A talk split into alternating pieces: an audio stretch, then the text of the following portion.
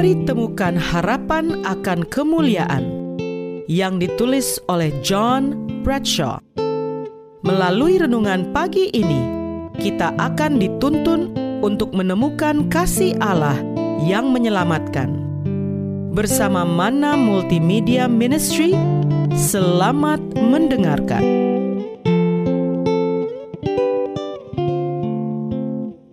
Shalom, selamat pagi saudaraku. Renungan pagi kita hari ini 7 Februari berjudul Yang Dipertahankan. Ayat intinya diambil dari Roma 12 ayat 2. Demikian firman Tuhan. Janganlah kamu menjadi serupa dengan dunia ini, tetapi berubahlah oleh pembaruan budimu, sehingga kamu dapat membedakan manakah kehendak Allah, apa yang baik, yang berkenan kepada Allah, dan yang sempurna.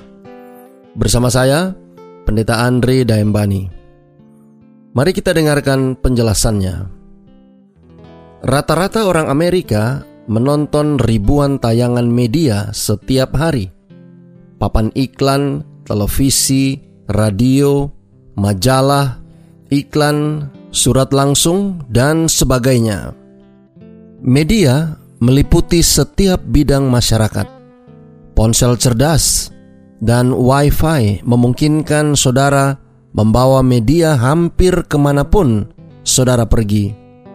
Saat ini, ada layar video pada pompa di pompa bensin, video yang diputar di supermarket, dan televisi di kamar mandi di restoran. Sepertinya tidak ada tempat di luar jangkauan media.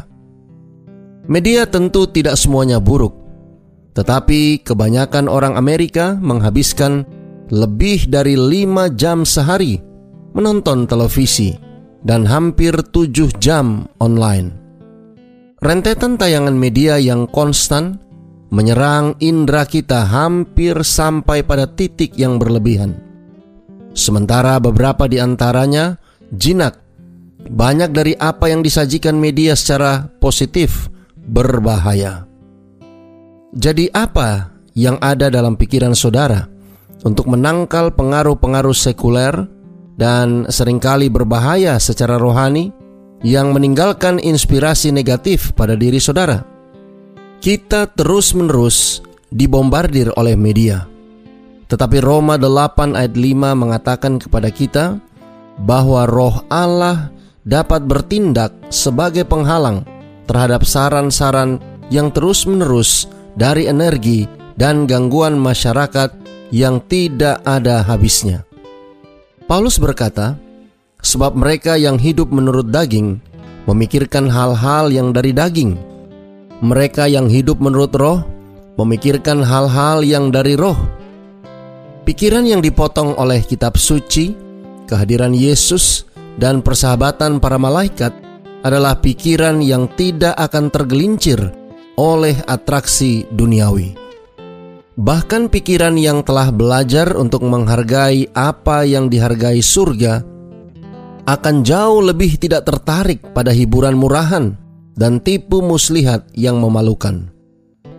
Salah satu cara agar tidak terlalu terpengaruh oleh media adalah kurang terlibat dengan media. Dan banyak dari hal itu dapat dengan mudah dilakukan tanpa media. Saudara-saudara yang kekasih di dalam Tuhan, pertempuran spiritual besar yang saat ini terjadi di alam semesta adalah pertempuran untuk pikiran.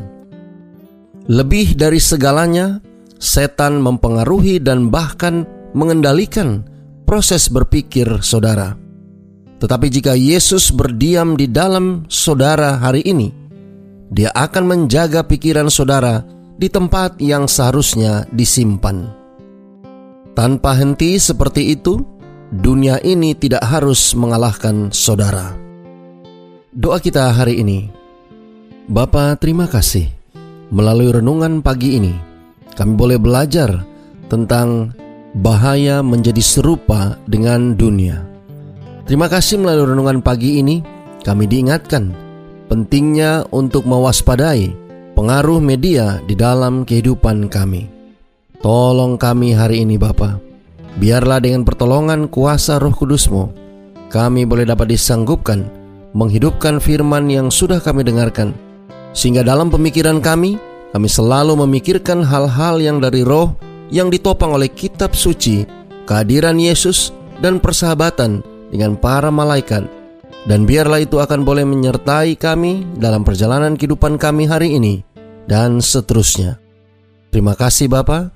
Inilah doa dan permohonan kami kepadamu. Di dalam nama Yesus kami berdoa. Amin. Demikian tadi pembahasan tentang harapan akan kemuliaan. Semoga firman Tuhan hari ini dapat menjadi berkat bagi kita semua. Sampai jumpa, Tuhan memberkati.